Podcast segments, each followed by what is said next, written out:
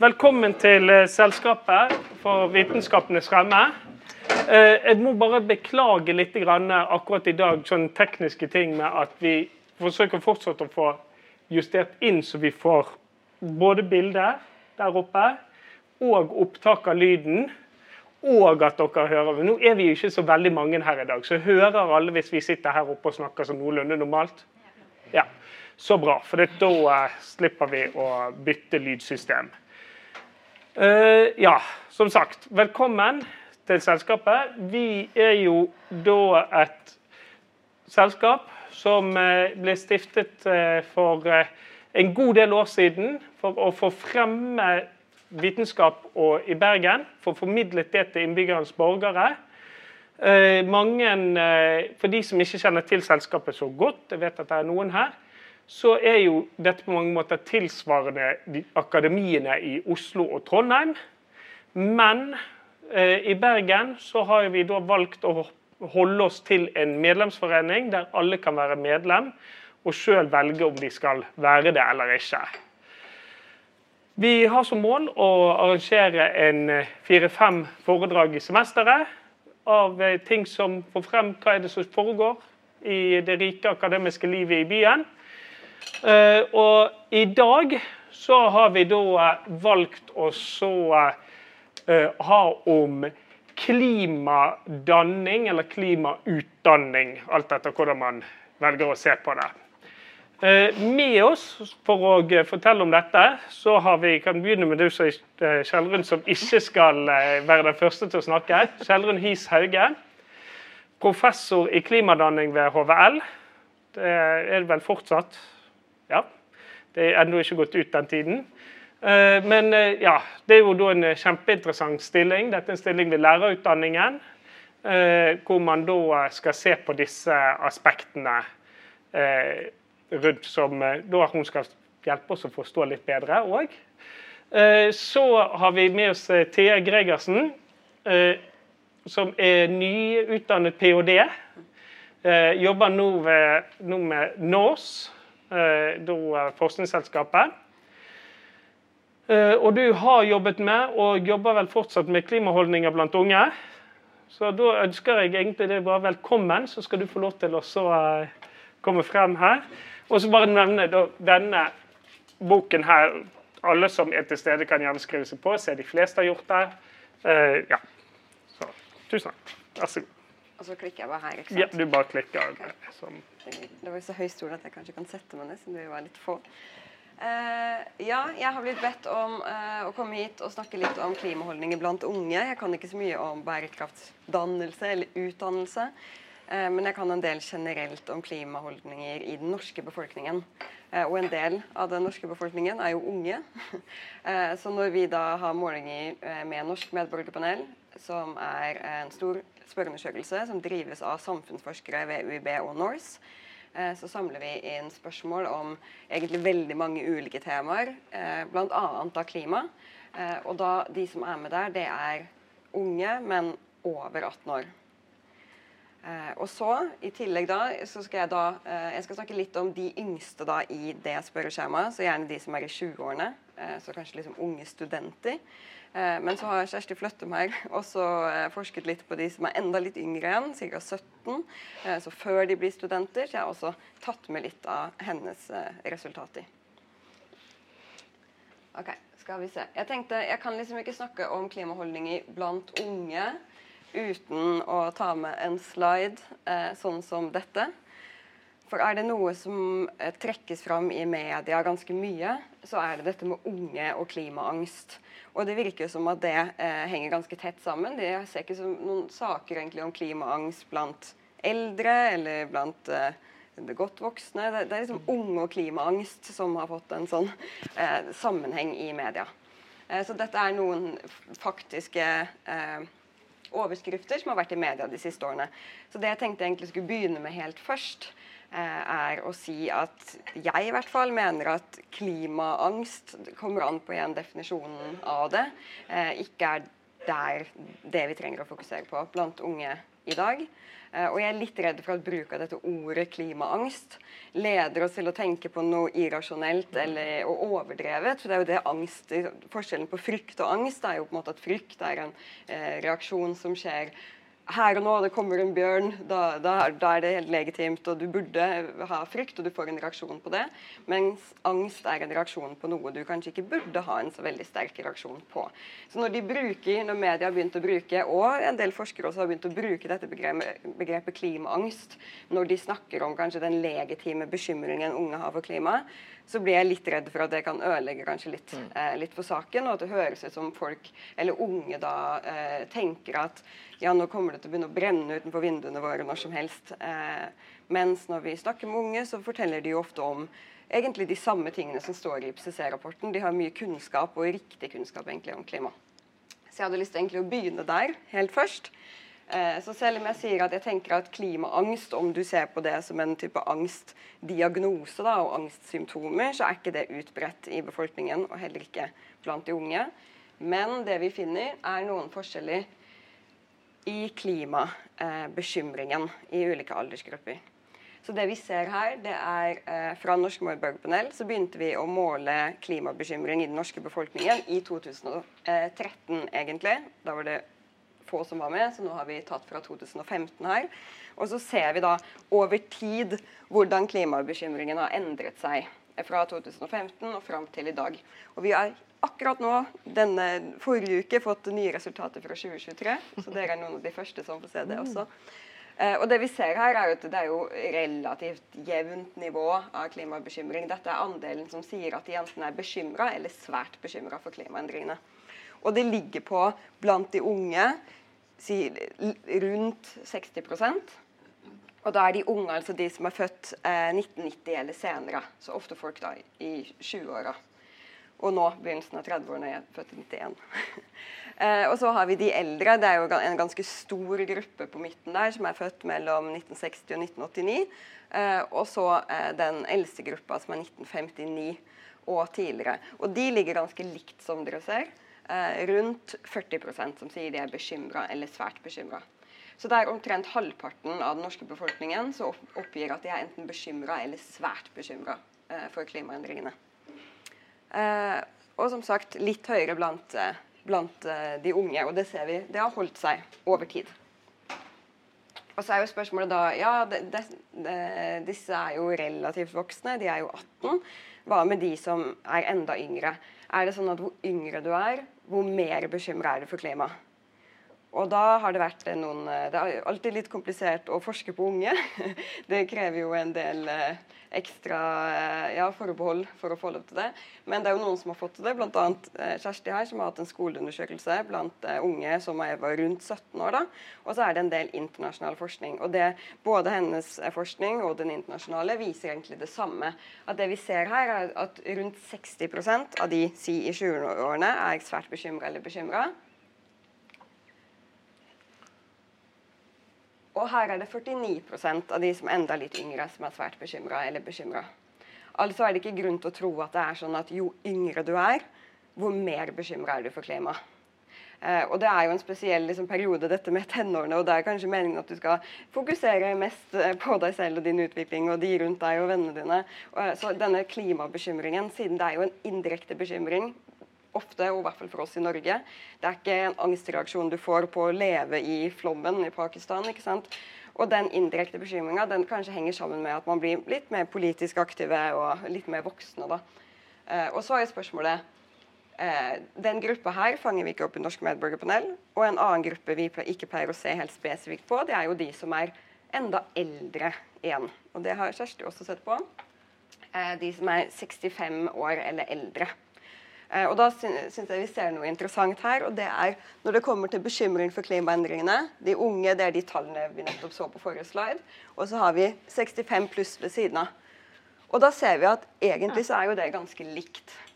Så det er ikke sånn at ungdom på 17 år oppgir i et spørreskjema å være veldig mye mer bekymra enn de som er over 65. Skulle vi valgt en gruppe som, som skilte seg ut med lavere bekymring, så hadde det kanskje vært både menn i 40-åra heller enn Så det er ikke sånn at jo eldre du blir, hvor mindre bekymra blir du, eller hvor yngre du blir, hvor mer bekymra blir du. Det er, kan variere. Uh, og Det er også veldig spennende med dette spørsmålet, men én ting er å være bekymra, en annen ting er uh, det om å leve klimavennlig. Og er det sånn at de unge uh, er villige til å leve mye mer klimavennlig enn de som er eldre? og da sier denne undersøkelsen, eller de to undersøkelsene igjen til Kjersti at Eh, nei, sånn er det ikke nødvendigvis. Kanskje til og med de eldre kan være enda mer eh, villige i noen sammenhenger til å, til å eh, leve klimavennlig enn de unge. Så det er jo kanskje interessant eh, å se på liksom, videre. Hva vil det si for klimadannelse? Hvorfor er det sånn? Eh, hva er sammenhengen mellom ja, bekymring og handling? Hvilke årsaker har man til å handle? Hva handler det om livsfase, generasjon, faktisk alder? Så det er jo en veldig Og alt dette ligger ute på UiB sine nettsider. Jeg kan sikkert snakke med Kjersti om det etterpå også. Eh, annen, et annet sted vi ser eh, en reell forskjell mellom aldersgruppene, det er klimaskepsis. Eh, og da kan vi si først at det er ikke Klimaskepsis er ikke egentlig utbredt, eller i hvert fall ikke klimafornekting er ikke utbredt i den norske befolkningen. De aller fleste nordmenn er helt enige om at klimaendringene skjer, og at de er menneskeskapt. Eh, som dere ser, så er det omtrent 70% og det har det vært siden 2013. Det blir ikke noe bedre eller verre. Eh, som, eh, som, mener at klimaet endrer seg, og at det i stor grad handler om menneskelig påvirkning. Så det er jo det på en måte IPCC-rapporten ville sagt. Eh, og så har vi veldig veldig få som mener at klimaet ikke endrer seg i det hele tatt. Det er under 1 da. Men det vi ser her, det er at til tross for at uh, unge ikke nødvendigvis alltid er mer bekymra, det vi i hvert fall ikke kan si om unge, det er at de er klimaskeptikere. Uh, for unge er enda mer klar over enn de eldre aldersgruppene hva som er eh, årsakene til klimaendringene. At de skjer, og at de er menneskeskapte. Så der er det over 80% 85% som sier ja, det handler i stor grad om menneskelig påvirkning. Så det har de i hvert fall eh, fått med seg. Kanskje gjennom skole eller media. eller skal vi snakke om. Eh, en annen forskjell er at vi stiller spørsmål om hvor stor trussel klimaendringene folk føler at klimaendringene er. Og Da er det ganske stor forskjell på om vi stiller spørsmålet om de føler at det er en trussel generelt for verden, eller om de mener at det er en trussel eh, for meg personlig. Eh, og Det er jo litt naturlig at vi bor jo i Norge. Det er jo sant at vi enn så lenge så er det ikke vi som føler kanskje sterkest på de personlige konsekvensene av klimaendringene. Mm. Og det finner vi jo også da eh, i dataen, som egentlig er ganske naturlig. At det er langt flere som sier at klimaendringene er en svært alvorlig eller alvorlig trussel, den lyseblå, samlet sett, enn de som mener at trusselen er eh, svært alvorlig eller alvorlig for deg personlig. Eh, og det er ikke egentlig veldig overraskende, men det er ganske tydelige forskjeller mellom aldersgruppene her. Så de som er eh, unge, om vi ser på den nederste her igjen, hvor mange som svarer at klimatrusselen personlig er en stor personlig trussel, eh, så er det langt flere av de som er født 1990 eller senere, som sier at ja, klimaendringene er for meg personlig en svært alvorlig eller alvorlig trussel. Og igjen så er jo det på en måte naturlig, De skal jo leve med konsekvensene av klimaendringene, men de, det ser jo ut som at de til en viss grad er klar over det selv. Jeg, jeg, sa egentlig at jeg skulle ha en fem, femminutters presentasjon. Ja, okay. mm. eh, og så tenkte jeg igjen at jeg skulle ta et par eh, eh, andre slides her som eh, vi kanskje kan komme litt tilbake til. og Det er jo forskjellen mellom det med eh, Ja, de unge er klar over at klimaendringene er menneskeskapt, så de har jo en del kunnskap om hva som er årsakene, hva som er konsekvensene, de tingene der. De er relativt bekymra, men ikke nødvendigvis mer bekymret enn alle andre eh, aldersgrupper. Eh, og så så vi tidligere at de ikke nødvendigvis er alltid villige til å leve mer klimavennlig. Det spørs kanskje hva det innebærer.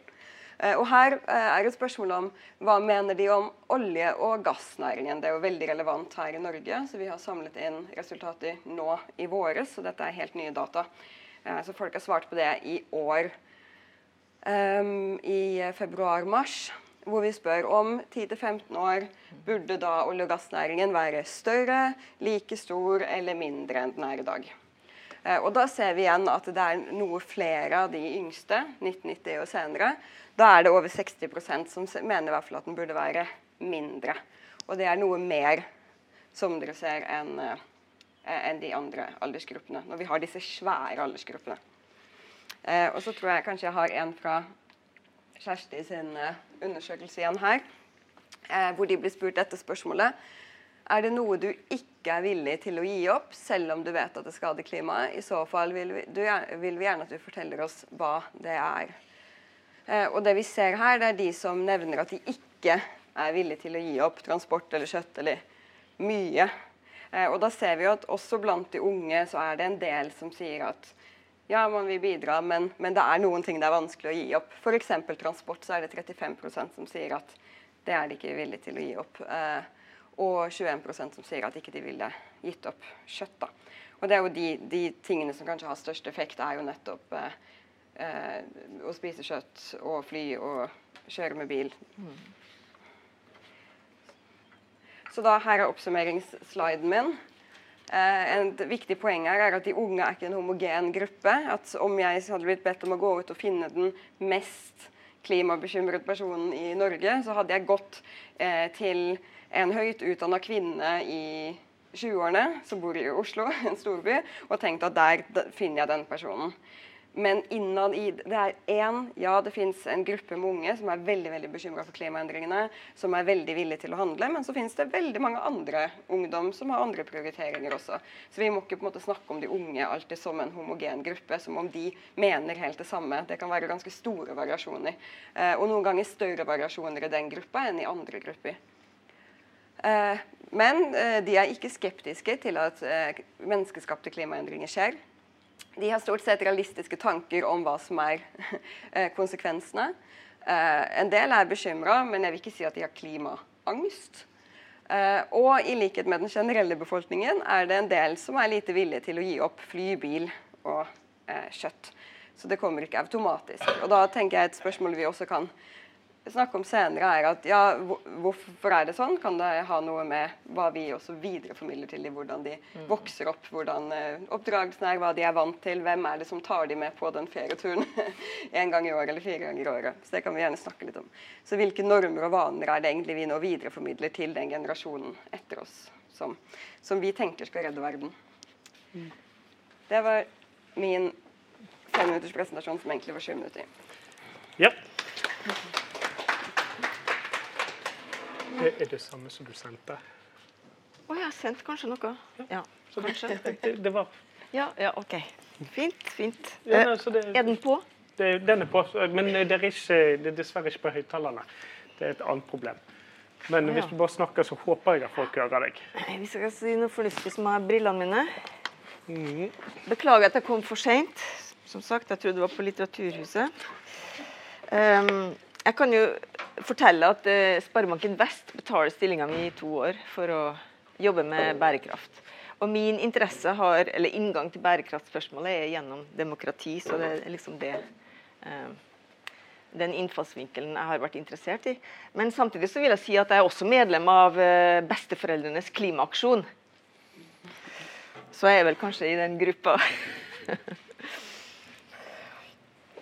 jeg har ikke tenkt å presentere forskning. Jeg har tenkt å presentere Eller eh, si et par ting for å svare på disse spørsmålene. Altså hva er bærekraftsutdannelse, og trenger vi det?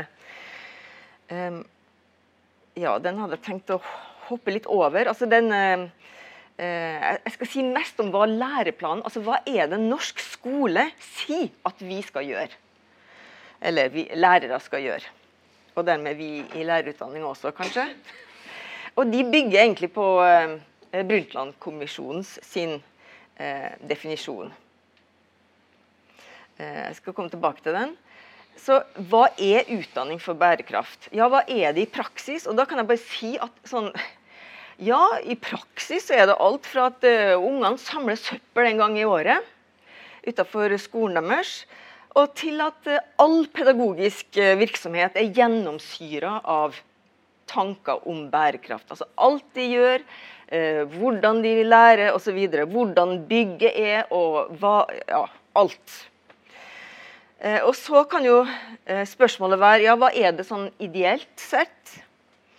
Og da kan det jo handle om sant, hvordan håndterer man kontroversielle temaer. Det kan jo være én måte å si hva det ideelt handler om. Sant? Og så har du dette ja, er ideelt sett er det utdanning om bærekraft, altså at du lærer om fakta, eller er det for bærekraft at du, at du, eh, eh, at du forberedes til å handle bærekraftig? Eller er det gjennom, eller i gjennom bærekraft, som denne, dette punktet med all altså, Sånn som når skoler er, er styrt sånn at all pedagogisk virksomhet eh, er gjennomsyra av bærekraft. Altså at du er omslutta av tanker og handlinger som er bærekraftige. Eh, men det jeg tenkte å si mest om da, det var liksom Ja, ja, verden er det Hva er det disse lærerne er pliktige til å gjøre?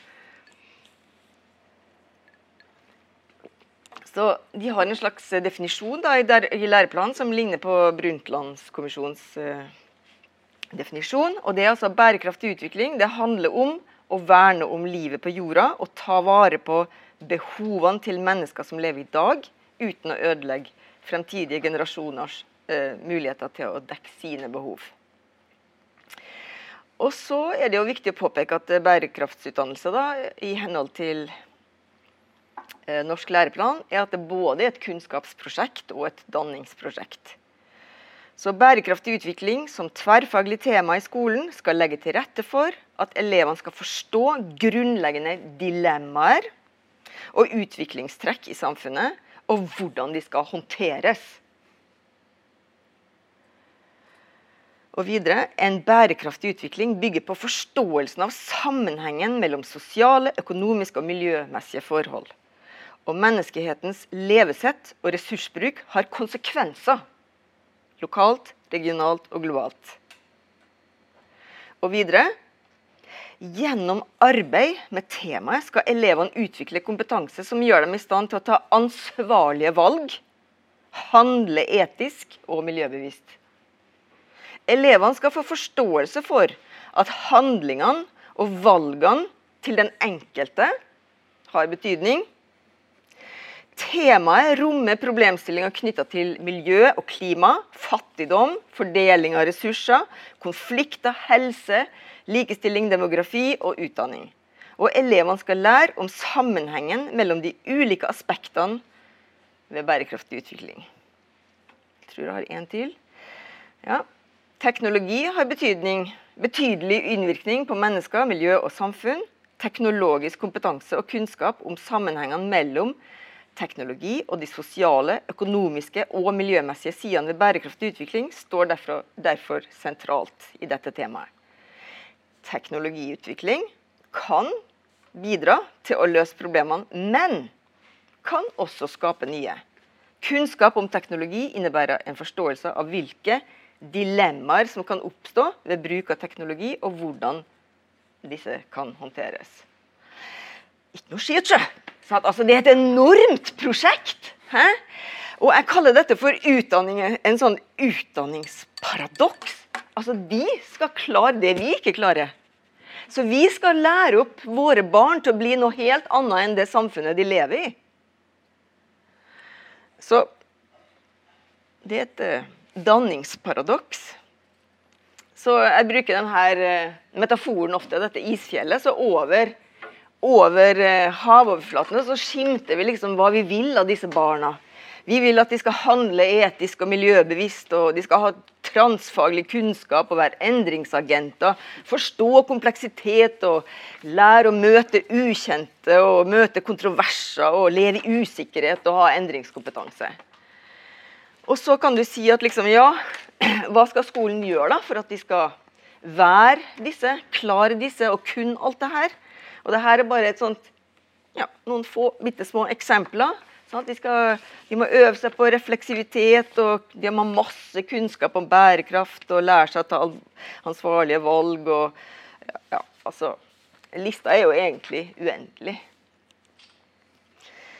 Så dette er jeg opptatt av. Hvordan i all verden gjør vi dette? Altså, hva, skal, hva sier foreldrene der hjemme på Samsli når, når disse elevene skal lære dette her? Altså, hva er det slags prosjekt vi har satt i gang? Eller vi og vi.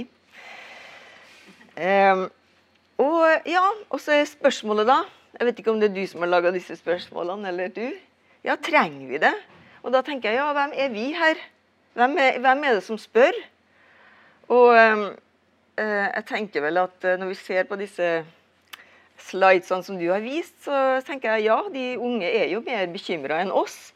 Så, men de, jeg tenker at de er jo bare nødt til å hjelpe oss. For at ja, kan, kanskje disse gamle, sånn som meg selv, vi, liksom, vi har hatt en tid der langt der tilbake der vi var vant med å leve med litt mindre. Men jeg tenker at vi må ha hjelp fra, fra dem for å, å, tenke gjennom ja, hva er det gode liv? Hva skal det være uten alt dette forbruket og disse reisene? og sånn? Hva, Eh, vi trenger nye former for status, kanskje.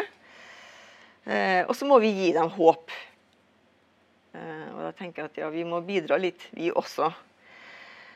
og så viser det seg at holdninger altså Det har vært veldig mye fokus på holdningsendringer, men de skaper ikke De løser ikke problemene. Det er mer at handling skaper holdning. Så hva er det slags handlinger da vi vil at disse barna eller elevene, ungdommene, skal, eh, skal erfare da, i skolen. I bærekraftsutdanninga eller undervisninga. Ja, det var alt det jeg skulle si. Tusen takk. Mm. Ja. Vi skal plasse alle tre. Skal vi, vi skal forsøke å få plass til alle tre. OK. Jeg eh, skal ta og åpne for spørsmål fra publikum her etter hvert òg. Eh, og når det er, så vent på mikrofonen, sånn at vi får inn, eh, inn hva dere sier på, til podkasten osv. hvis det, er ønskelig. Ja. Dere har jo vært igjennom ganske mye, egentlig. Og, men det er én ting som dere begge kom litt inn på, og det som jeg har lyst til å høre litt med dere. Det er jo dette med det normative. Skolen må jo vel, nå skal jo være veldig normativ, som du viste. altså liksom skal gjøre elevene i stand til å eh, altså være en helt annen fremtid enn det vi har det nå. Men så er det sånn at altså, Klarer vi det? Hva med foreldrene? Altså, hvis du har en, hvis du har en far eller mor som jobber i oljen. Og hele ditt Altså, man så jo i forbindelse med eh, den eh, oljekrisen Jeg vet ikke om det var en oljekrise altså da, så rundt 2013 og sånt. altså det var da var det dårlig med pris på oljen, og da var det liksom en krise. Og eh, oljeselskapene sa opp veldig mange. Og en del av disse ingeniørene som jobbet i oljeselskapene de begynte på lærerutdanningen. for da skulle de nå skulle de inn i skolen og så lære elevene hvordan det virkelig hang sammen. Altså hvordan, altså, Vil man kunne få kanskje altså, Hvis man er veldig så normativ Hvis, hvis da allmennheten vet hvor normativ skolens plan er, kan vi få en pushback? Absolutt. Ja, altså, kan, altså, Men hvordan vil det i så fall kunne utarte seg? En sånn pushback? Ja, altså For det første så tror jeg at det er veldig få skoler som er så normative og som på en måte følger dette så slavisk. Mm. Og Det er jo mange grunner til det. Det ene er jo foreldrene. Eh, men eh, det er også liksom hvordan Hva skal man gjøre, liksom? Og så er det så travelt. Det er så mange nye som, ting som innføres eh, hele tiden. Så jeg har i hvert fall vært i møte med skoler som liksom Nei, bærekraft, ja, det, eh, det må vi ta et annet år. Nå har vi ikke hatt råd til å kjøpe skolebøker. Så at, altså, det er liksom helt sånn praktiske ting som står på, på agendaen. Men det er jo altså de Det er vel Montessori-skolen som har liksom prøvd å, å, Eller gått inn for å være mer bærekraftig. Og det, mm. altså, kanskje private skoler kan ha mer sånn legitimitet da, for å gjøre eh, store endringer. Men altså, jeg tror at uh, vi, vi, jeg tenker at det, det, har ikke vært diskusjon uh, ordentlig rundt hvordan, hvordan skal vi løse dette paradokset. Altså, mm. eh, det, vi trenger en samfunnsdiskusjon om det, da. Mm. ja. Men det, altså, hvordan altså, Hva tenker du når elevene har vært igjennom noe i skolen, og så kommer hjem? Altså, ser man, altså, ser man noenlunde hvor de får holdningene fra? Altså, Er det hjemmefra? Er det fra skole? Eller? Ja, en ting jeg lurte på og tenkte på, er at når vi har Norsk medborgerpanel, så har vi liksom utvida det litt med et sånn journalistpanel, byråkratpanel. og Det hadde vært veldig interessant å ha et lærerpanel for å se hva syns de om denne typen undervisning, og gjennomfører de det faktisk. Og, altså Lærere også er jo helt forskjellige og har ulike klimaholdninger, så hva, hva lærer egentlig? Selv om noe står i læreplanen, så kan jo det behandles på noen ulik måte. Så det hadde, veldig, hadde vært veldig spennende å ha en, en undersøkelse blant lærere helt, helt spesifikt, da, når det har en så stor rolle. Uh, og uh, ja, og nå, Jeg var ute på uh, Norse prøver å starte opp en sånn ung kohort-undersøkelse. Altså igjen da en, en spørreundersøkelse blant de som er yngre, egentlig tiendeklassinger. Vi jobber med det, får vi se om vi får det til. Og helt i startfasen av det så var vi ute på en skole og snakka med noen tiendeklassinger om veldig mange ulike temaer. Et av de var klima. Og da syns jeg det var litt interessant at når vi spurte ja, hva med klima, da, hva, hva tenker dere om det? Og da var det en i klassen der som sa liksom at Nei, nei det, det, er viktig å opprettholde oljebransjen. og Det er det, mm. det, er det som er, er, viktig i Norge nå. Eh, og klimaendringene kommer uansett ikke til å ha eh, konsekvenser før etter jeg er død. Eller det er mm. fremtidige generasjoner eh, det kommer til å ha konsekvenser for. Og da tenkte jeg kanskje at noe, de har hørt noen setninger fra noen som er litt eldre, mm. om dette med fremtidige generasjoner. For vi tenker jo om det er deres generasjon. Mm. Så jeg tror noe av det som er vanskelig at vi, Det er jo noe som det som kommer fram veldig tydelig i våre undersøkelser, er at unge kan veldig mye eh, liksom fakta om mm. klima. Og de kan jo utvilsomt mer enn det folk kunne for 20 år siden. Og jeg tror nok skolen er en del av forklaringen på det, men også liksom vanlig tradisjonell media, sosiale medier. altså de får jo IPCC-rapportene. Det har jo skjedd enorme mye ting de siste 20 årene. Eh, så det er, jo, det er jo ikke noe tvil om at de kan veldig mye. Eh, men da er det jo litt spennende når de kommer hjem med all denne kunnskapen, og så møter de ja, hvor populært er det hjemme å si nei, men nå kan vi ikke spise kjøtt mer fordi nå sier de på skolen at, at det ikke er så klimavennlig. Og hvilken kontroll har egentlig de unge mellom, over det de, eh, de, valgene de kan ta hjemme? Mm. Eh, hvor, hvorvidt de kan fly eller ikke fly til ferie, familieferien. Eh, og da kan de kanskje oppleve litt det som vi kaller eh, kognitiv dissonans. da, At de lærer på skolen at dette er så utrolig viktig, og de, det som har mest å si, er f.eks. kjøtt og fly, og så opplever de at ja, men nå skal vi jo på familieferie eh, til Spania, og nå har vi kjøttemiddag igjen. Hvordan skal de klare å stå i den uoverensstemmelsen mellom at vi lærer dette på skolen, og på skolen lærer vi riktige ting, men så sier foreldrene mine eller så, så er det sånn her vi lever. Eh, og det kan jo føre til en type pushback, da kanskje. Eh, at, at, for å løse den dissonansen, så mm. dytter de seg litt unna isteden. Og kommer opp med sånn argumenter om at ja, men lille meg har ikke noe å si. Mm. Jeg kjenner jo ganske mange som uh, har, en, har, barn sant, uh, i tenårene, uh, 20-årene, som bare liksom sånn Som irettesetter foreldrene sine og faktisk har makt, eller får til endring i sin egen familie. Så det har vært utrolig interessant å se liksom, hvor stor den effekten er. Mm. Ja. Ja. Uh, ja, altså, da, eh, det som var meg litt å tenke på videre der, det er jo at i uh, altså Nå har vi hatt noen holdt på å si, unge generasjoner. De går jo veldig fort. Altså disse uh, årskullene sånn slutten av tenårene, begynnelsen av 20-årene. der personer og skikkelser som Greta Thunberg har vært veldig klare skikkelser.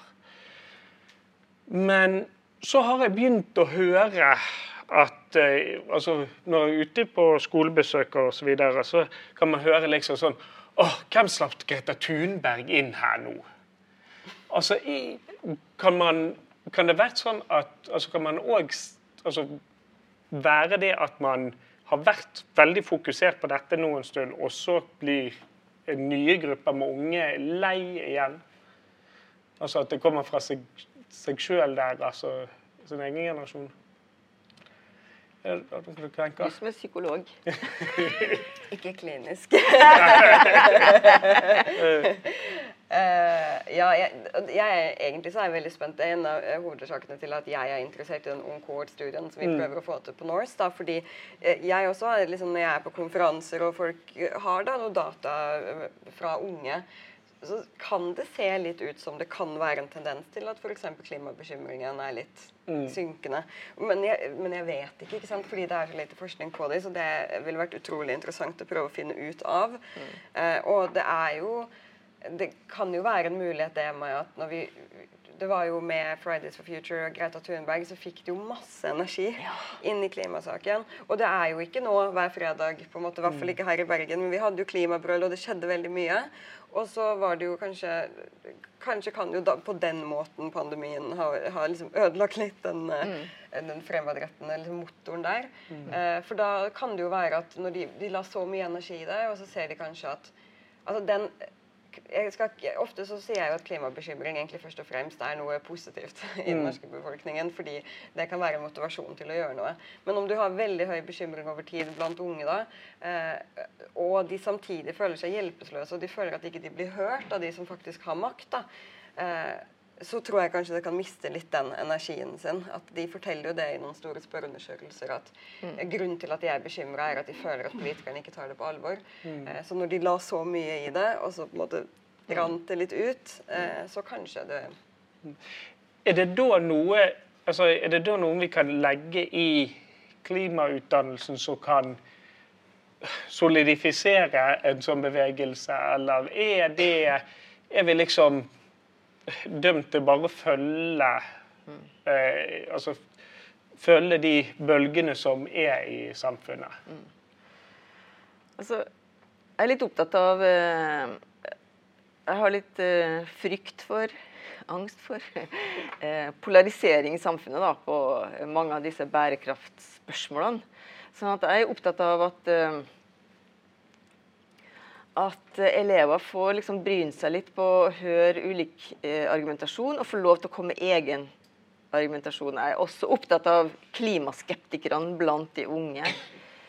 Eh, ja, for eh, Jeg vet ikke, det virker jo litt sånn indoktrinerende, den herre eh, læreplanen. Og, og, hvis vi virkelig liksom gjennomfører på den måten eh, Sant? Hva er etisk bevissthet? Hva er å handle etisk? Altså det, eh, kanskje kritisk tenkning burde kommet litt tydeligere frem her. Selv om mm. kritisk tenkning er, er, er viktig i læreplanen, men var ikke så tydelig i akkurat rundt bærekraft. Så tenker jeg at eh, det er uhyre viktig, da. Mm. Og at man på en måte eh, også lærer om hvorfor det er så vanskelig endring. altså mange elever, særlig i, på grunns, altså i, i, de første årene, de tror jo at eh, dette er et individuelt ansvar, så det er faktisk deres skyld at, mm. at, ikke, at, vi ikke får det til. Sånn at det å liksom lære om disse strukturelle hindrene, da mm. eh, eh, det, det, må jo være viktig viktig helt fra veldig tidlig av. Altså, hvorfor er dette så vanskelig å jobbe med? Mm. Eller få til, få igjennom. Hvorfor, slå, hvorfor, går, hvorfor hjalp det ikke med disse klimastreikene? Mm.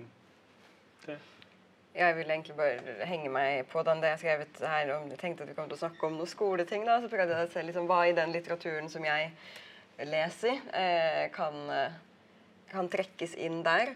Uh, og da er det jo en del på liksom misinformation, altså feilinformasjon, misinformasjon, grønnvasking.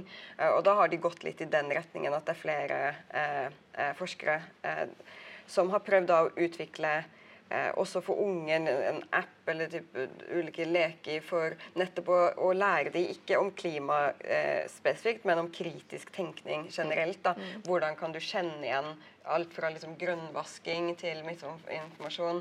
Eh, at de har rett og slett spill enten på apper eller på, eller på nettet, hvor du kan eh, prøve å finne feil i en overskrift. Hvorfor er denne misvisende? Hvorfor er dette stråmannorganisasjon? Hvordan, på hvilken måte er dette en logisk brist?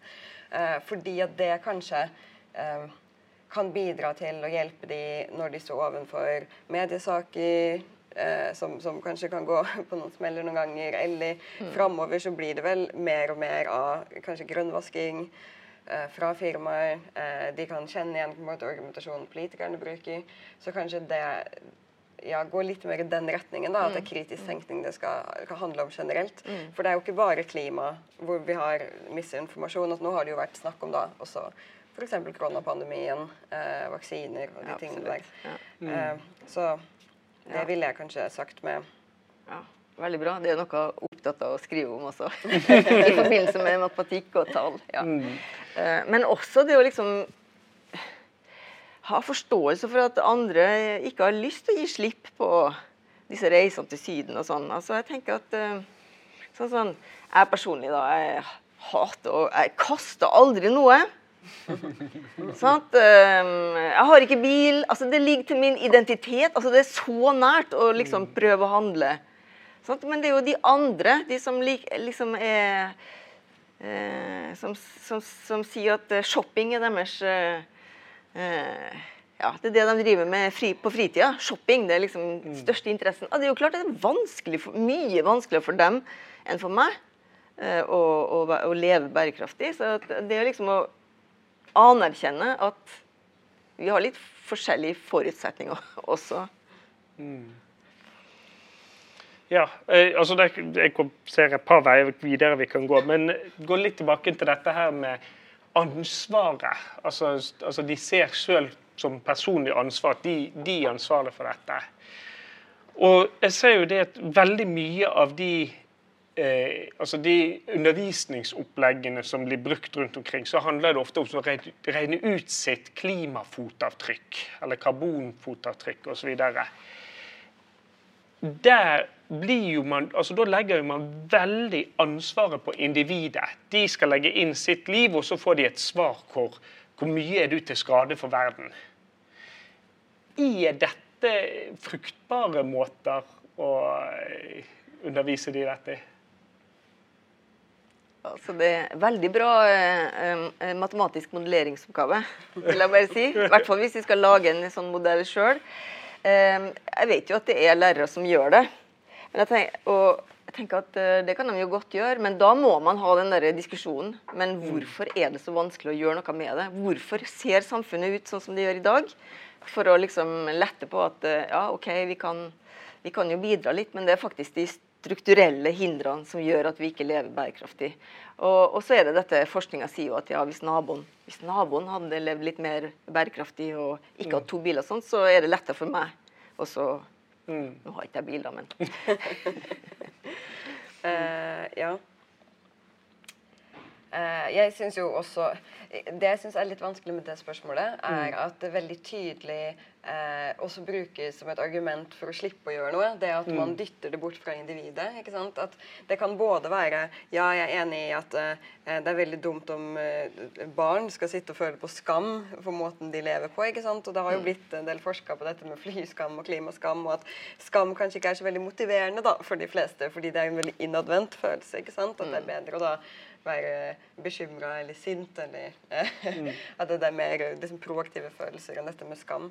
Eh, men samtidig så, så syns jeg også det er viktig at man, man ikke skal lære opp de unge til at eh, dere i Norge som egentlig Vi har jo faktisk en, en ganske stor påvirkning. Altså Vi lever jo langt over gjennomsnittet i Europa når det kommer til hvor, hvor mye vår livsstil eh, eh, slipper ut. da, Om alle skulle levd som oss, så ville det jo ikke gått. Og det er jo en del ting vi har eh, mulighet til å endre på selv. Så jeg syns det er riktig at vi må forstå at vi også har et individuelt ansvar, fordi nettopp det kan ha smitteeffekter. eller at, at det er litt, Vi kan på en måte ikke kaste eh, de som er under oss under bussen fordi vi skal opprettholde og slippe å føle på skam. Da. Så noen ganger så kanskje vi, noen av oss i hvert fall kan tåle å skamme seg litt. Ja. Eh, men jeg mener jo selvfølgelig ikke at det burde være barna nødvendigvis som skal skamme seg. De har ikke eh, hatt så mye muligheter. Men, men jeg tror det er viktig eh, å også fortelle at det, vi som har så mange muligheter som vi har.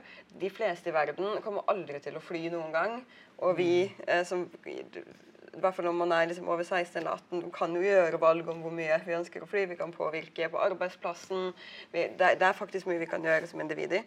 Men at de også da blir fortalt at Eh, at det, det, er de er strukturelle ting i tillegg da, mm. som, som, gjør det vanskelig, og som gjør at det stopper. Mm. Eh, og at det viktigste, kanskje, en, kanskje den beste Om vi er redd for at unge er for bekymra for klimaendringene, så er det en del forskning som viser at det kan bli mer proaktivt om de finner sammen eh, mm. og gjør litt kollektive handlinger. da, mm. Så om man klarer å gjøre de viktige individuelle tingene, men at man gjør det i en stor gruppe og har påvirkningskraft på den måten. Mm. mm. Ja, eh jeg, har snakka med en lærer som fortalte at hun, hun, hun lot elevene liksom se på eh, ja, sant, hvor mye utslipp de enkelte land gjør. Sant, og så regne ut per capita, mm. liksom, for å forstå nettopp ditt poeng at uh, Oi, i Norge så sant, Ressursbruk, ja, alt. Så da tenker jeg at det er også en måte å fokusere på hvor heldige vi er, og hvor skadelig vi er i, i, Norge, og at det på en måte blir en sånn kollektiv, eh, kollektivt eh, ansvar. Mm. Det var noe annet jeg skal si. Ja, for at, eh, sant, Dette er jo liksom knytta til ja, sant, hva, hva, skal vi, hva, skal vi, gjøre da? Jeg tenker at altså, Hvordan gir man uh, håp? Og Da tenker jeg at det handler, da, da, kan det jo være sånn at man på en måte kollektivt gjør et eller annet sammen. Altså, jeg vil ikke latterliggjøre at, at man rydder plast, for det er jo faktisk skadelig, det også. Og det er en handling som kanskje fører til en holdning og, og, og en nødvendig eh, ting, men at man kanskje i undervisninga da også eh, sant, skriver brev til politikere eller, sant, eller prøver å påvirke på uh, der, der, tenker jeg at læreren må være litt uh, flink og så se liksom, hva mulighetene er for noe sant, påvirkning, eller i lokalmiljøet, eller sant, på skolen. Sant? Men også det at man gir ungdommen sånn trygghet i å argumentere, da, tenker jeg er utrolig viktig. Mm. Altså bare det å bli hørt i klasserommet tenker jeg er liksom en politisk handling. Og at vi, at vi Ja. Men det å liksom ja, styrke, styrke troen på seg selv tenker jeg er utrolig viktig. Så det er kanskje å legge om pedagogikken litt. Det er jo mange som gjør det også, men at elever får mer innflytelse. Mm. Ja. Har dere noe umiddelbart? Eller hvis ikke, så tenkte jeg å åpne for ja. Mm. En, en, siste kommentar, ja. kanskje siden vi var litt inne på det. fordi jeg, det er en annen, Litt sånn som klimaangst, så har jeg også eh en del jeg skulle sagt noe med klimahåp. da. Ja, jeg syns ja. eh, dette med klimahåp er så veldig vanskelig. Mm. Eh, for det er jo det ofte Eh, jeg føler at media veldig, Hver gang de snakker med meg, så har de veldig lyst til at jeg skal si liksom at ja, nå må vi gi håp til de unge og sånn. Eh, og at det er en løsning, for da føler de ikke på skam. Og så, for da, ja. eh, og det, og jeg synes det, er, det, finnes noe veldig interessant eh, forskning som ser på det at det vi gjør litt feil noen ganger i spørreundersøkelser, f.eks., mm. er at vi spør veldig sånne lokkete spørsmål. så vet vi ikke helt hva ligger bak her. Hva er det egentlig de svarer på? Og når de uh, har gjort det med håp, da, hva er egentlig innholdet i klimahåpet ditt? Hva vil det si å ha håp knyttet til klimaendringene? Så ser de at de finner liksom to store undergrupper av det håpet.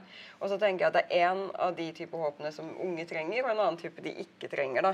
Eh, og den ene, mm. eh, den konstruktive håpet, det handler om håp om at vi sammen kan få til en mm. endring. Mm. Så da er det jo at eh, man må vise at det er nyttig. Altså det er mange, vi, Samfunnet har jo forandret seg ekstremt mye siden de siste 100 årene, og det har vært eh, direkte konsekvenser også av liksom protester og at folk har fått til ting. Så de må ha eksempler på det. Mm. At vi faktisk gjør en del for klimaendringene. At vi må ha håp om at vi sammen kan få til en endring, og vi kan pushe politikerne til en endring. Det håpet man ikke trenger, eh, som, som, det også er en del av, det er det de kaller liksom falsk håp. da, mm. eh, Som går på at eh, det, ordner det, ordner seg selv. Mm. Eller teknologien. altså vi, ja. tek, vi, kommer til å få noe CCS-opplegg, carbon capture and storage, altså noen sånne magiske ting som egentlig ikke helt fins. Mm. Eh, eller Gud kommer til å løse dette for oss. Eh, og om det er det som er innholdet i håpet, eh, så hjelper det på en måte ikke så veldig mm. Det blir litt en hvilepute heller enn noe konstruktivt. da. Mm. Har du noen kommentar der, eller? Ja, det er helt eh, Ja, det høres veldig bra ut. Er det da noen fra salen som eh, Ja? Jeg er jo så gammel at jeg vokste opp med at vannkraft, det hadde vi. Og det var nesten Det var ingen begrensning på det. Men skal vi være litt solidariske, så er det begrensning. Så var det en periode der naturgass ble uh, sagt det er en god ting. Men så blir det CO2 der òg. Og nå lurer jeg på, når vi rett og slett brenner ved, det blir vel CO2 der òg? Hvor mye det er, det har jeg ikke langs på. Men spørsmålet trenger vi all den energien vi bruker? Og kan vi gjøre noe framover med det? Åh, det blir et litt sånn personlig spørsmål. Jeg vil svare gjerne på det. Ja. Altså, jeg syns det er altfor lite fokus på det. Sant? Altså, trenger vi å frakte ting så langt? Trenger vi å eh, ha det så varmt? Trenger vi så store bygg? Treng, altså, det er altfor lite fokus på å redusere energi. Ja. Så. Mine besteforeldre seilte jo på fraktebåter som brukte seil for å komme over Atlanteren. Mm. Ja. Ja, nei, altså Kanskje vi kan gå tilbake Ja. Nei, altså, ja. eh, Nå kan jo jeg ta på meg eh, hatten som fysiker og Ja. eh, biogeokjemiker osv. Ærlig. Eh, ja, så dette eh, Virkelig, vi kan kutte ekstremt mye energibruken. Det kan vi. Eh, den, dette med vedfyring, altså det positive med vedfyring, er at da er du bare innenfor altså den hurtige karbonsyklusen. altså Der den blir fanget opp igjen. og sånn, Så hadde vi bare holdt oss til vedfyring, så hadde ikke vi hatt den stigningen i CO2 i atmosfæren som vi har i dag. Det vedfyring gir oss, som er veldig alvorlig, det er jo mye lokal forurensning i partikler osv. Eh, Der man kan se det at eh, f.eks. det er funnet en virkelig link mellom spontanabort og spesielt vedfyring osv. i områder i verden hvor du har veldig mye Altså, du har mye smog, både mye vedfyring, bil altså, Det er masse sånne ting. Der har du mer spontanabort. Eh, I Norge Nå er det litt gamle tall, men altså, det har ikke endret seg så mye. men altså det er sånn at i Norge i dag så er det cirka, gjennomsnittlig 3,6 spontanaborter eh, altså, som er registrert per eh, 100 000 innbyggere, tror jeg det. er. Mens da i Oslo og Bergen, som er de største byene, så er det nesten dobbelt så mye. Så da er det 5,7 spontanbåter. Det kan man nesten utelukkende koble til lokal forurensning med eh, altså ved og veier osv. Eh, så det, ja, men det er, er jo altså, Vedfyring i seg selv hadde vært en fin ting. Det som er det store problemet, er at vi tar olje og gass og kull, og så tar vi det fra de lange lagrene i jordskorpen og opp i atmosfæren. Og så forventer vi da at trærne skal fikse dette for oss. Og det kommer de til å gjøre, men i et veldig mye lengre perspektiv.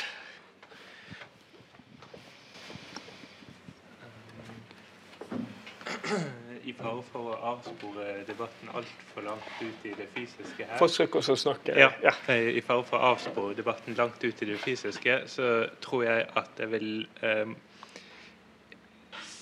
ta sjansen på en korrigering av, av det med at vedfyring eh, ville vært en, en løsning i seg selv.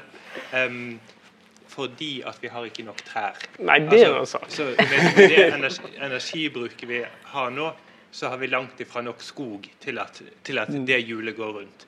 Eh, det andre poenget om lokal luftforurensning, det er veldig eh, eh, sant.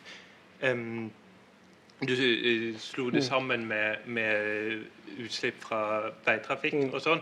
Um, jeg har tall eh, relativt oppdaterte tall fra Storbritannia, der det i de store byene så er vedfyring en større andel enn enn veitrafikken. Så, så det er faktisk et stort problem. Vi har mer rentbrennende ovner i Norge, så det vil se bedre ut her. Eh, OK. Eh, det, var, det var sidesporet. Så har jeg et spørsmål som er til et av hovedsporene eh, fra det dere har snakket om tidligere i dag. Em, og det em, handler om kollektivt versus individuelt ansvar. Jeg tenker at både eh, kognitiv dissonans, som du nevnte, og maktesløshet kan jo spores i fall delvis tilbake til, til det faktum at det er begrenset hva eh, man kan påvirke gjennom individuelle valg. Dette er enda mer sant for de yngste, som har, har mindre, eh, mindre, påvirkning på, på, sine egne handlinger i en del situasjoner. Um, og så sa du at kanskje vi skal vri litt på um,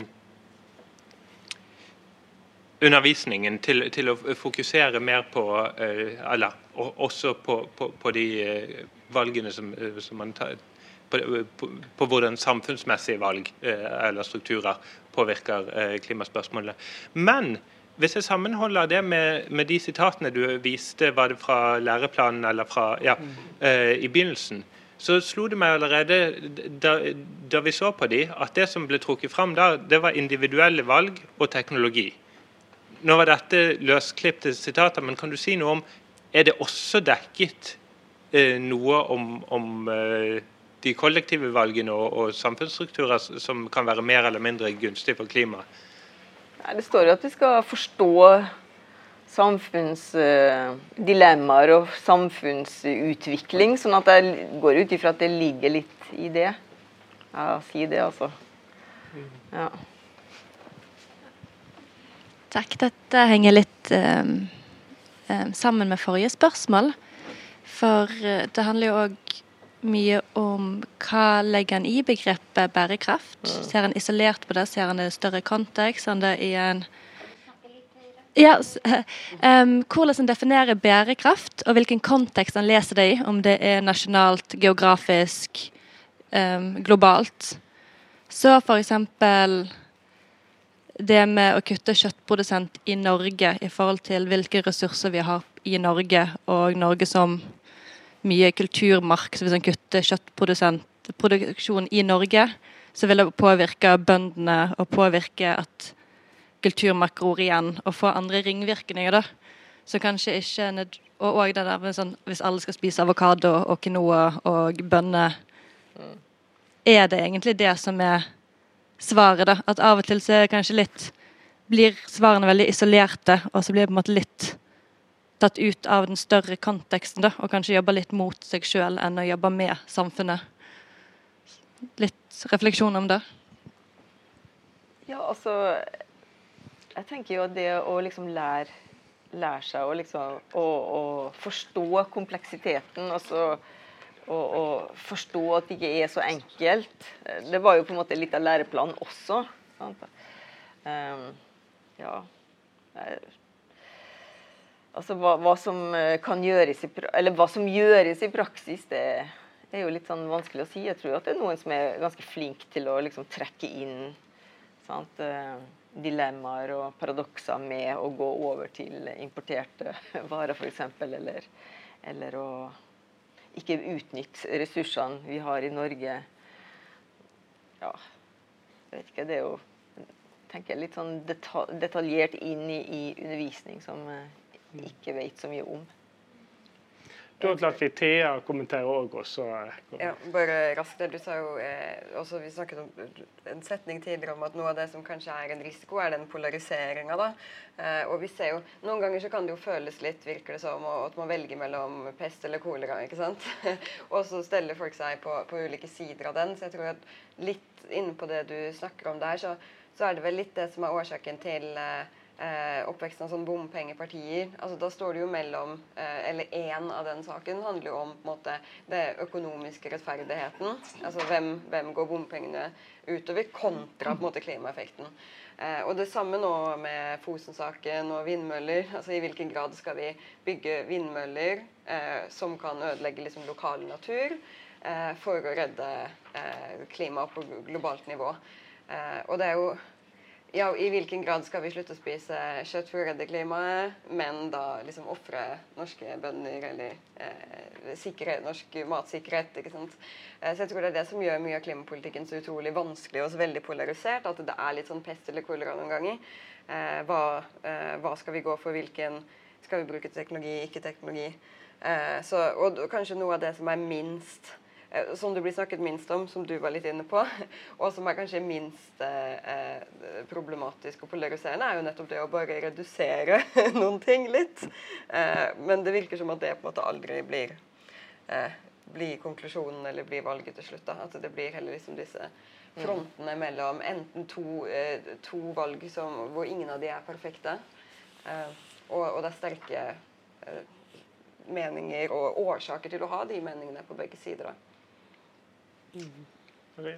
Ok, Jeg tenkte bare at jeg kunne komme med en liten kommentar til det du sa. Du snakket om det kollektive i læreplanen. og det er jo sånn at det er flere tverrfaglige tema. Det er bærekraftig utvikling, og så er det demokrati og medborgerskap, og så er det mangfold og toleranse. Og jeg tror kanskje det kollektive er liksom dekket litt inn under demokrati og medvirkning. og og jeg syns det, det, passer fint hvis man tar det perspektivet sammen med bærekraftig utvikling og får det til å bli noe vi må utvikle en felles forståelse for. Sant? At ikke det er noe du må kunne masse om nødvendigvis, eller noe du må nødvendigvis ta ansvar for selv, men at det er noe du lærer å forholde deg til gjennom å tro på at man må jobbe sammen, f.eks. Ja. Så jeg syns jo at den nye læreplanen er ganske fin på mange måter, men den er jo litt fersk. Det er jo ikke så mye Det har ikke vært undervist i den så mange år. Så det må forskes mer på den.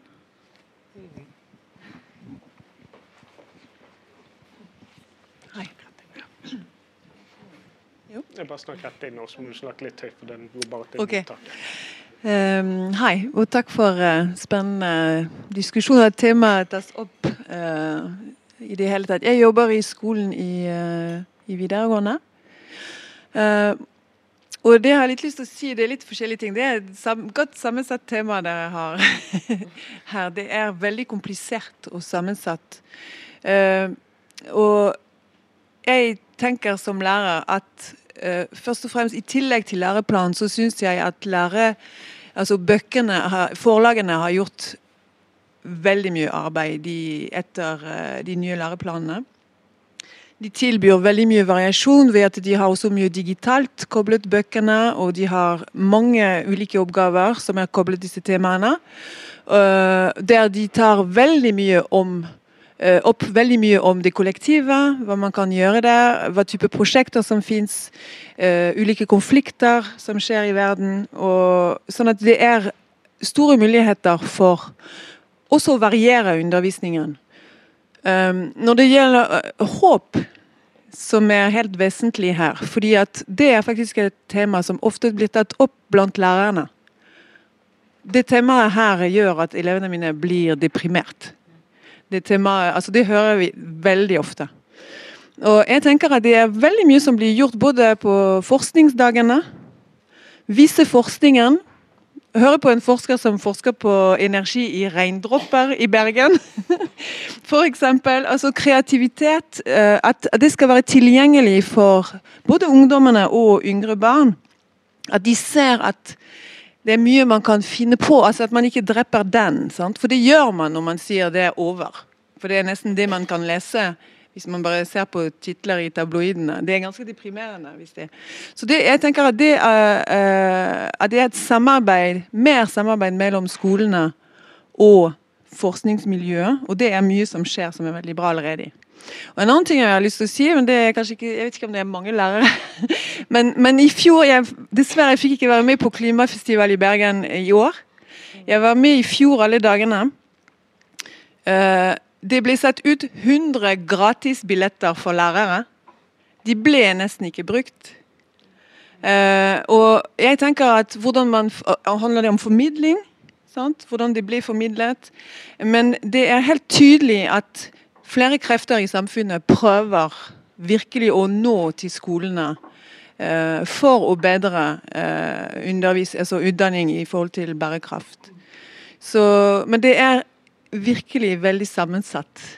Eh, og vi trenger flere sånne kvelder i ulike sammenhenger for å snakke sammen tverrfaglig.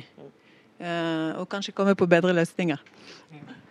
Og jeg fikk veldig lyst til å kommentere at altså, det, er, eh, det er mange lærere som gjør helt fantastiske ting både i skolen og barnehagen. problemet er jo kanskje at, at mange vet ikke Altså, jeg prøvde å få et, til et samarbeid med en skole, men nei, vi har så mye annet å gjøre. vi har så mye annet å gjøre. Sant? Da blir det liksom sånn, da blir det å, å samle plast. Så det handler jo også om for noen skoler altså De som har ressurspersoner, kanskje sånn som deg, sant? de får det til, men så trenger man kanskje sånne enkeltressurspersoner. Ja. Nei, men altså, vi må ikke glemme alt det fantastiske som faktisk gjør, gjøres på mange skoler. Og, og i barnehager. Jeg ikke det er som en kritikk til det som ble sagt. Nei, nei. Jeg, bare, jeg vil understreke eh, det å øke eh, samarbeid og tverrfaglighet gjennom ulike institusjoner, som skole, forskningsmiljø. Mm. Det er allerede mye som skjer, men det må, må være enda mer tilgjengelig. jeg. Kan jeg bare få nevne Jeg holdt et eh, kurs i dag for lærere på, gjennom Utdanningsforbundet om eh, hvordan man kan få til eh, debatter om eh, kontroversielle temaer i skolen. Sant? Og hadde oljeboring i Lofoten som, som eksempel. Da. Og det er jo fordi jeg tenker at det er så utrolig viktig å diskutere disse tingene som vi er så veldig uenige om. Det er viktig både av saksgrunner, men også av sånn demokratifremmende eh, grunner. Ja, det, det blir også tatt opp på lærernes dag. Der kan man treffe ganske mange og kanskje trygge de på, på hva som kan gjøres.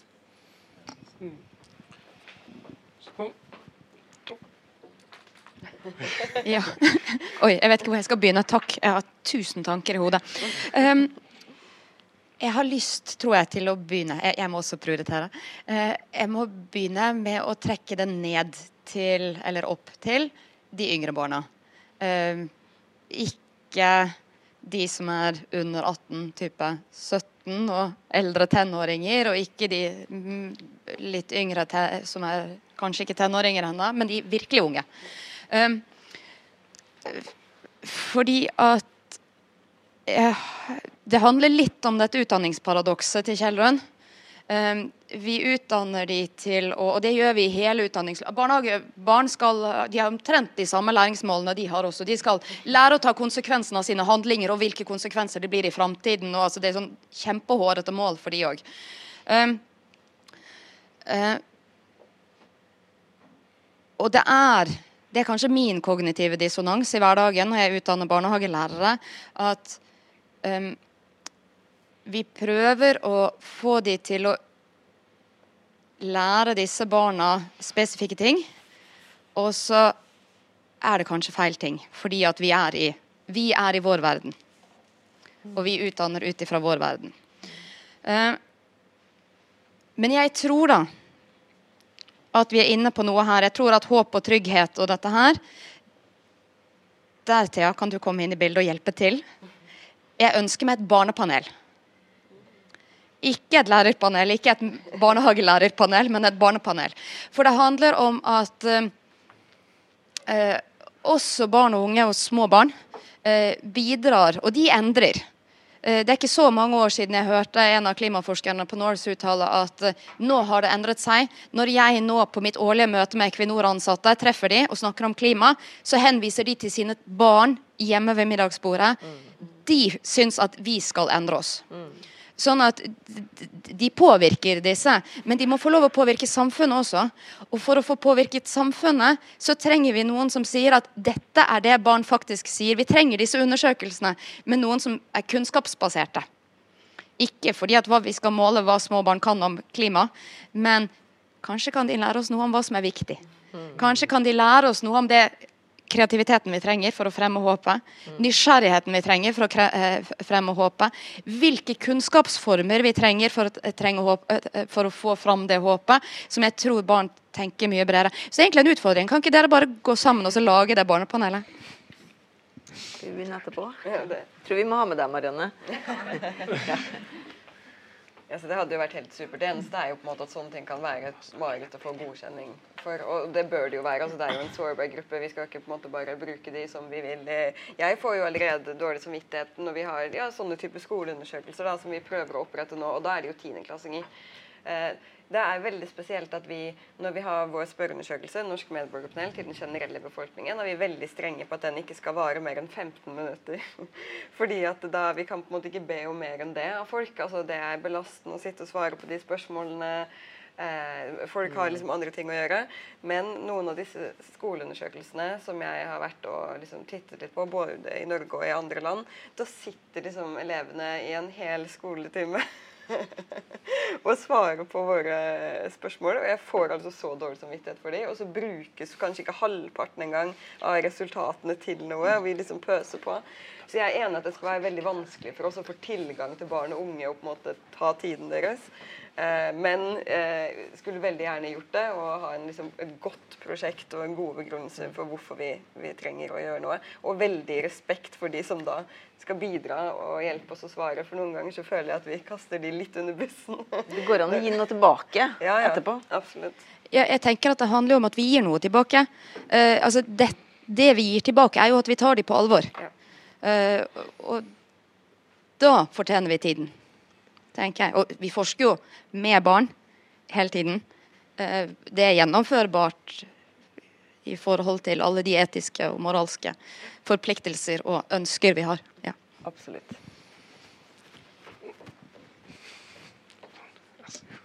Takk. Nå var det så mange ting. Så mange interessante ting. Jeg vet, jeg vet ikke hva jeg skal gå tilbake på. Men eh, jo, jeg kan ta dette med um, Siden det er nærmest, da. Men først tusen takk, begge to for interessante innledninger, og som har skapt masse gode spørsmål. Jo, eh, dette med at vi, du får dårlig samvittighet ja, for å bruke tiden. Men eh, jeg tenker at du skal ikke ha så veldig dårlig samvittighet. Men jeg kan bare si, ikke for å skryte av vårt eget prosjekt, men hvordan vi prøvde da å gi noe tilbake. Eh, vi, uh, vi gikk jo rundt og snakket med skoler på denne undersøkelsen som ble gjennomført i 21. Uh, og vi fikk med jeg husker ikke antall skoler, men nesten 400 elever i videregående. Og vi gikk til alle skolene først og forklarte hvorfor det var viktig for oss at de var med på den forskninga. At, at, vi, hadde vi, hadde bruk for dem. Eh, og sa litt sånn generelle ting om, om prosjektet. Og så gjennomførte de eh, spørreundersøkelsen. Satt så lenge de ville. Eh, og så diskuterte de i grupper etterpå, så summerte vi opp i plenum. Og så, når vi hadde samlet inn alle resultatene, så analyserte vi det, dem. Og da inviterte vi alle tilbake til en stor samling her på, på høyden, hvor vi presenterte det vi hadde funnet, og så kunne de si ja, var den akkurat sånn? Og de kunne komme med sine kommentarer. Og det hadde de gjort underveis også og kommentere på spørsmålene, f.eks. Mm. At det var ikke alle spørsmål som var, de syntes var like relevante og ikke godt mm. stilte. Mm. Så, det ble på en måte et sånt et forskningssamarbeid da, som var veldig nyttig. Eh, kan jeg si noe mer? Ja da. Nei, for det var, eh, jeg tror det var Kjeldrun som nevnte det tidlig, dette med å skape situasjoner hvor, hvor elevene kan sitte ned og diskutere sammen. Og snakke sammen. Og det tror jeg også. Tror jeg veldig på. Eh, og for det var også noe som kom frem eh, i den siste undersøkelsen. Fordi at de var jo stort sett 17 år. De har ikke stemmerett. Så vi hadde spørsmål som gikk på hvordan, de mente, hvordan de mente de kunne ha politisk innflytelse. For det første så var det jo det at for dem så var det viktigst å påvirke foreldre og venner. Så det kom til, til, hjemmet. Men så var det noen som sa og ønsket at vi har hatt De brukte ikke ordet lavterskelarenaer, men, det var, men det var det de mente. Altså um, samlinger. Ja. De, kun, de, hadde også, de, hadde lyst på både forskere og politikere ja. som de kunne ha fått snakket med og fått høre mer om. For de syntes at de, at de visste for lite om dette. De visste for lite om, om politikken. Eh, og så det siste som jeg tenkte å si. Eh, og så få formidlet det at det er greit å være uenig om ting. Mm. Altså, det blir så ofte brukt dette Vi må få konsensus her. Nei, det er antagelig ikke det beste. Nei. Vi må i hvert fall lære det at det er OK å være uenig. Mm. Ja, det får være nok. Veldig bra. Mm. Er det da noen flere som Ja? Ja, Hans, Hans Jakob Roald heter underviser på Høgskolen i arealplanlegging og bærekraft. Og jeg har jobba med det i ganske mange år. Og når jeg underviser i bærekraft, så på det som jeg underviser i, det er på en måte hva måte det begrepet har forandra seg. Altså, og så sier jeg til studentene mine sånn, at det, i løpet av studietida deres så kommer det til å forandre seg ganske mye. Og når dere har vært i jobb i ti år, så har det forandra seg også mye. Så det er på en måte prøve å eh, få inn i det, det, det er kritisk tenking på den måten at de blir motivert til å kunne være, være med og styre denne forandringa. Og ikke tro på de som kommer med sånn øyeblikks quick fix. At en, nå er bærekraft akkurat det. Og da, noe av det aller første som jeg, som jeg, på en måte lærte noe vettugt av, da var professor Susan Owens fra geografi Cambridge. Eh, eh, og hun skilte mellom critical capital rule og rule of balance. Altså hva er det, det kritiske? Og, og den, en av de første som jeg oppfatter som så kritisk på bærekraftsbegrepet, da, at hvis vi skal ha, undervise det på en måte at bærekraft er å skape balanse mellom forskjellige interesser, så er jo det det vi alltid har gjort i planlegging. Det er ikke noe nytt. Det er det vi alltid har holdt på med.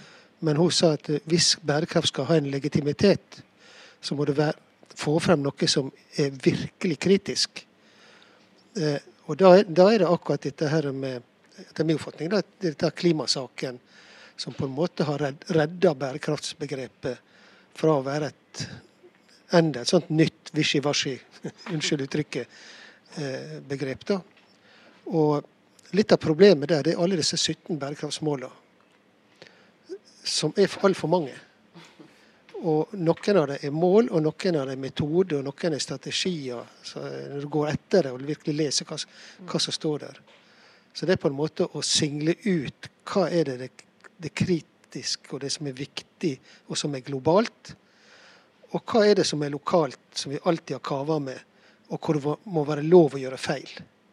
Hvor nærdemokratiet har lov til å snuble. Mm. Eh, fordi at eh, vi tenker nå en gang sånn her på denne øya. Og vi vil helst ha det sånn akkurat her. Sånn. Takk. Har dere noe Ja. Det høres fornuftig ut. Ja, det hørtes veldig fornuftig ut. Ja, nei, det, tusen takk. Uh, ja. Det, det, det, ser det at Vi begynner å nærme oss slutten nå, så det at vi må nesten uh, avslutte. Så, så tusen takk for alle innleggene. Det som altså, for å forsøke å Jeg klarer ikke å summere opp alt dette. Her er så mange tanker. Men, kan jeg få komme et ja, poeng til? Gjør det gjerne. Hvis du Altså, jeg tror at en bøyg er dette med karaktersetting. Vi hadde et prosjekt der fire studenter eh, hadde, skulle gjennomføre et uh, bærekraftsprosjekt i praksis. Sant? Fire uker sammenhengende i alle naturfag, alle matematikk, alle samfunnsfagtimene. Og de bestemte seg for eh, tekstilbransjen, eller tekstiler, forbruk, bransjen osv. Og, og hadde et utrolig flott eh, undervisningsopplegg der de var veldig fleksible. Elevene fikk lov til å velge selv hva de i, i gruppa sant, og hadde eh, hva de skulle jobbe med. Så utrolig flott opplegg. Men, til, men de fikk jo også i oppdrag av lærerne at eh, de skulle sette karakter på dette bærekraftsprosjektet. Som begynte med at de skulle fortelle litt om eget forhold til eh, sine klesvaner. Sånn, og da er det liksom Jeg hører på de opptakene så liksom Ja, dere har vært flinke og eh, Dere har vært flinke å balansere fagene godt, og dere har eh, Dere løsrev dere fint fra Eh, manus når dere la det frem, og, og dere svarte godt på spørsmålene. og sånn, altså det, Jeg bare tror det derre altså Hvordan skolen er rigga med den derre karaktersettingen. Den bare ødelegger disse bærekraftsprosjektene. Sånn, for hvem er liksom vi til å sette karakter på det, deres de som skal løse, og de som skal få til alt det her, var læreplanen. Mm. Det tenker jeg også, også et sånt eh, paradoks og en, ja, som, mm. en stor hindring til å få det til. Ja, ja det, jeg, jeg, er enig i det. Hadde du noen endelige ord som, til, som du kom på? Nei, jeg tenker vi kan uh, runde av. Ja, det, ja det, for det, det som altså, For å forsøke å runde av, så tenker jeg altså det virker litt som at en av de tingene vi trenger, det er mer kunnskap om synet til de yngre. Sånn at vi kan latt Altså om vi skal få til god bærekraftsdanning eller god bærekraftsutdanning, så må vi kanskje la de unge får være med og forme det. For det er litt sånn som du var inne på Kjell rundt tidligere òg, altså at dette med at det er Altså hvordan skal vi, som har skapt mye av problemene, klare å løse det? Så da må vi kanskje la de få lede oss. Og da trenger vi eh, åpenbart mer kunnskap, sånn at vi latt, altså, oss lede. Så det men også litt, kanskje litt i samarbeid. Vi må få med foreldrene på det også. Jo, det må vi. Det, men eh, altså, ja, de fleste foreldre lytter jo til sine barn, selv om de ikke liker alltid å innrømme det, vel. ja. Da uh, gjenstår det egentlig bare å si tusen, tusen takk for at dere stilte opp, og takk for publikum som gikk inn i dette fine været og valgte dette arrangementet til tross for at vi har One Ocean Week og medhører alle andre ting også skjer. Eh, så vil jeg bare si at 10. mai så har vi et nytt eh, arrangement for, i selskapet her. Det kommer annonsering ut nå.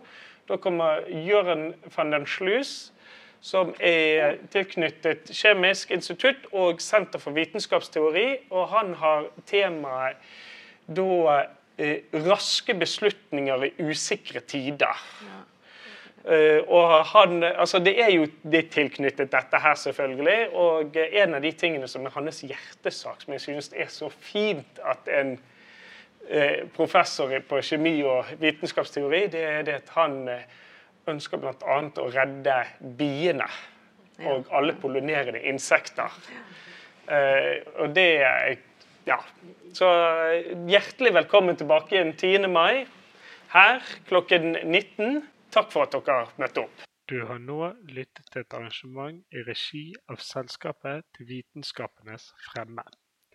Arrangementet ble holdt ved Kafé Kristi i Naturhistorisk museum Arrangementet var en samtale mellom Kjellrun Hiis Hauge, professor i klimadanning og bærekraft ved Høgskolen på Vestlandet, og Thea Gregersen, forsker ved NORS. Samtalen ble ledet av Ingjerd Pilskog.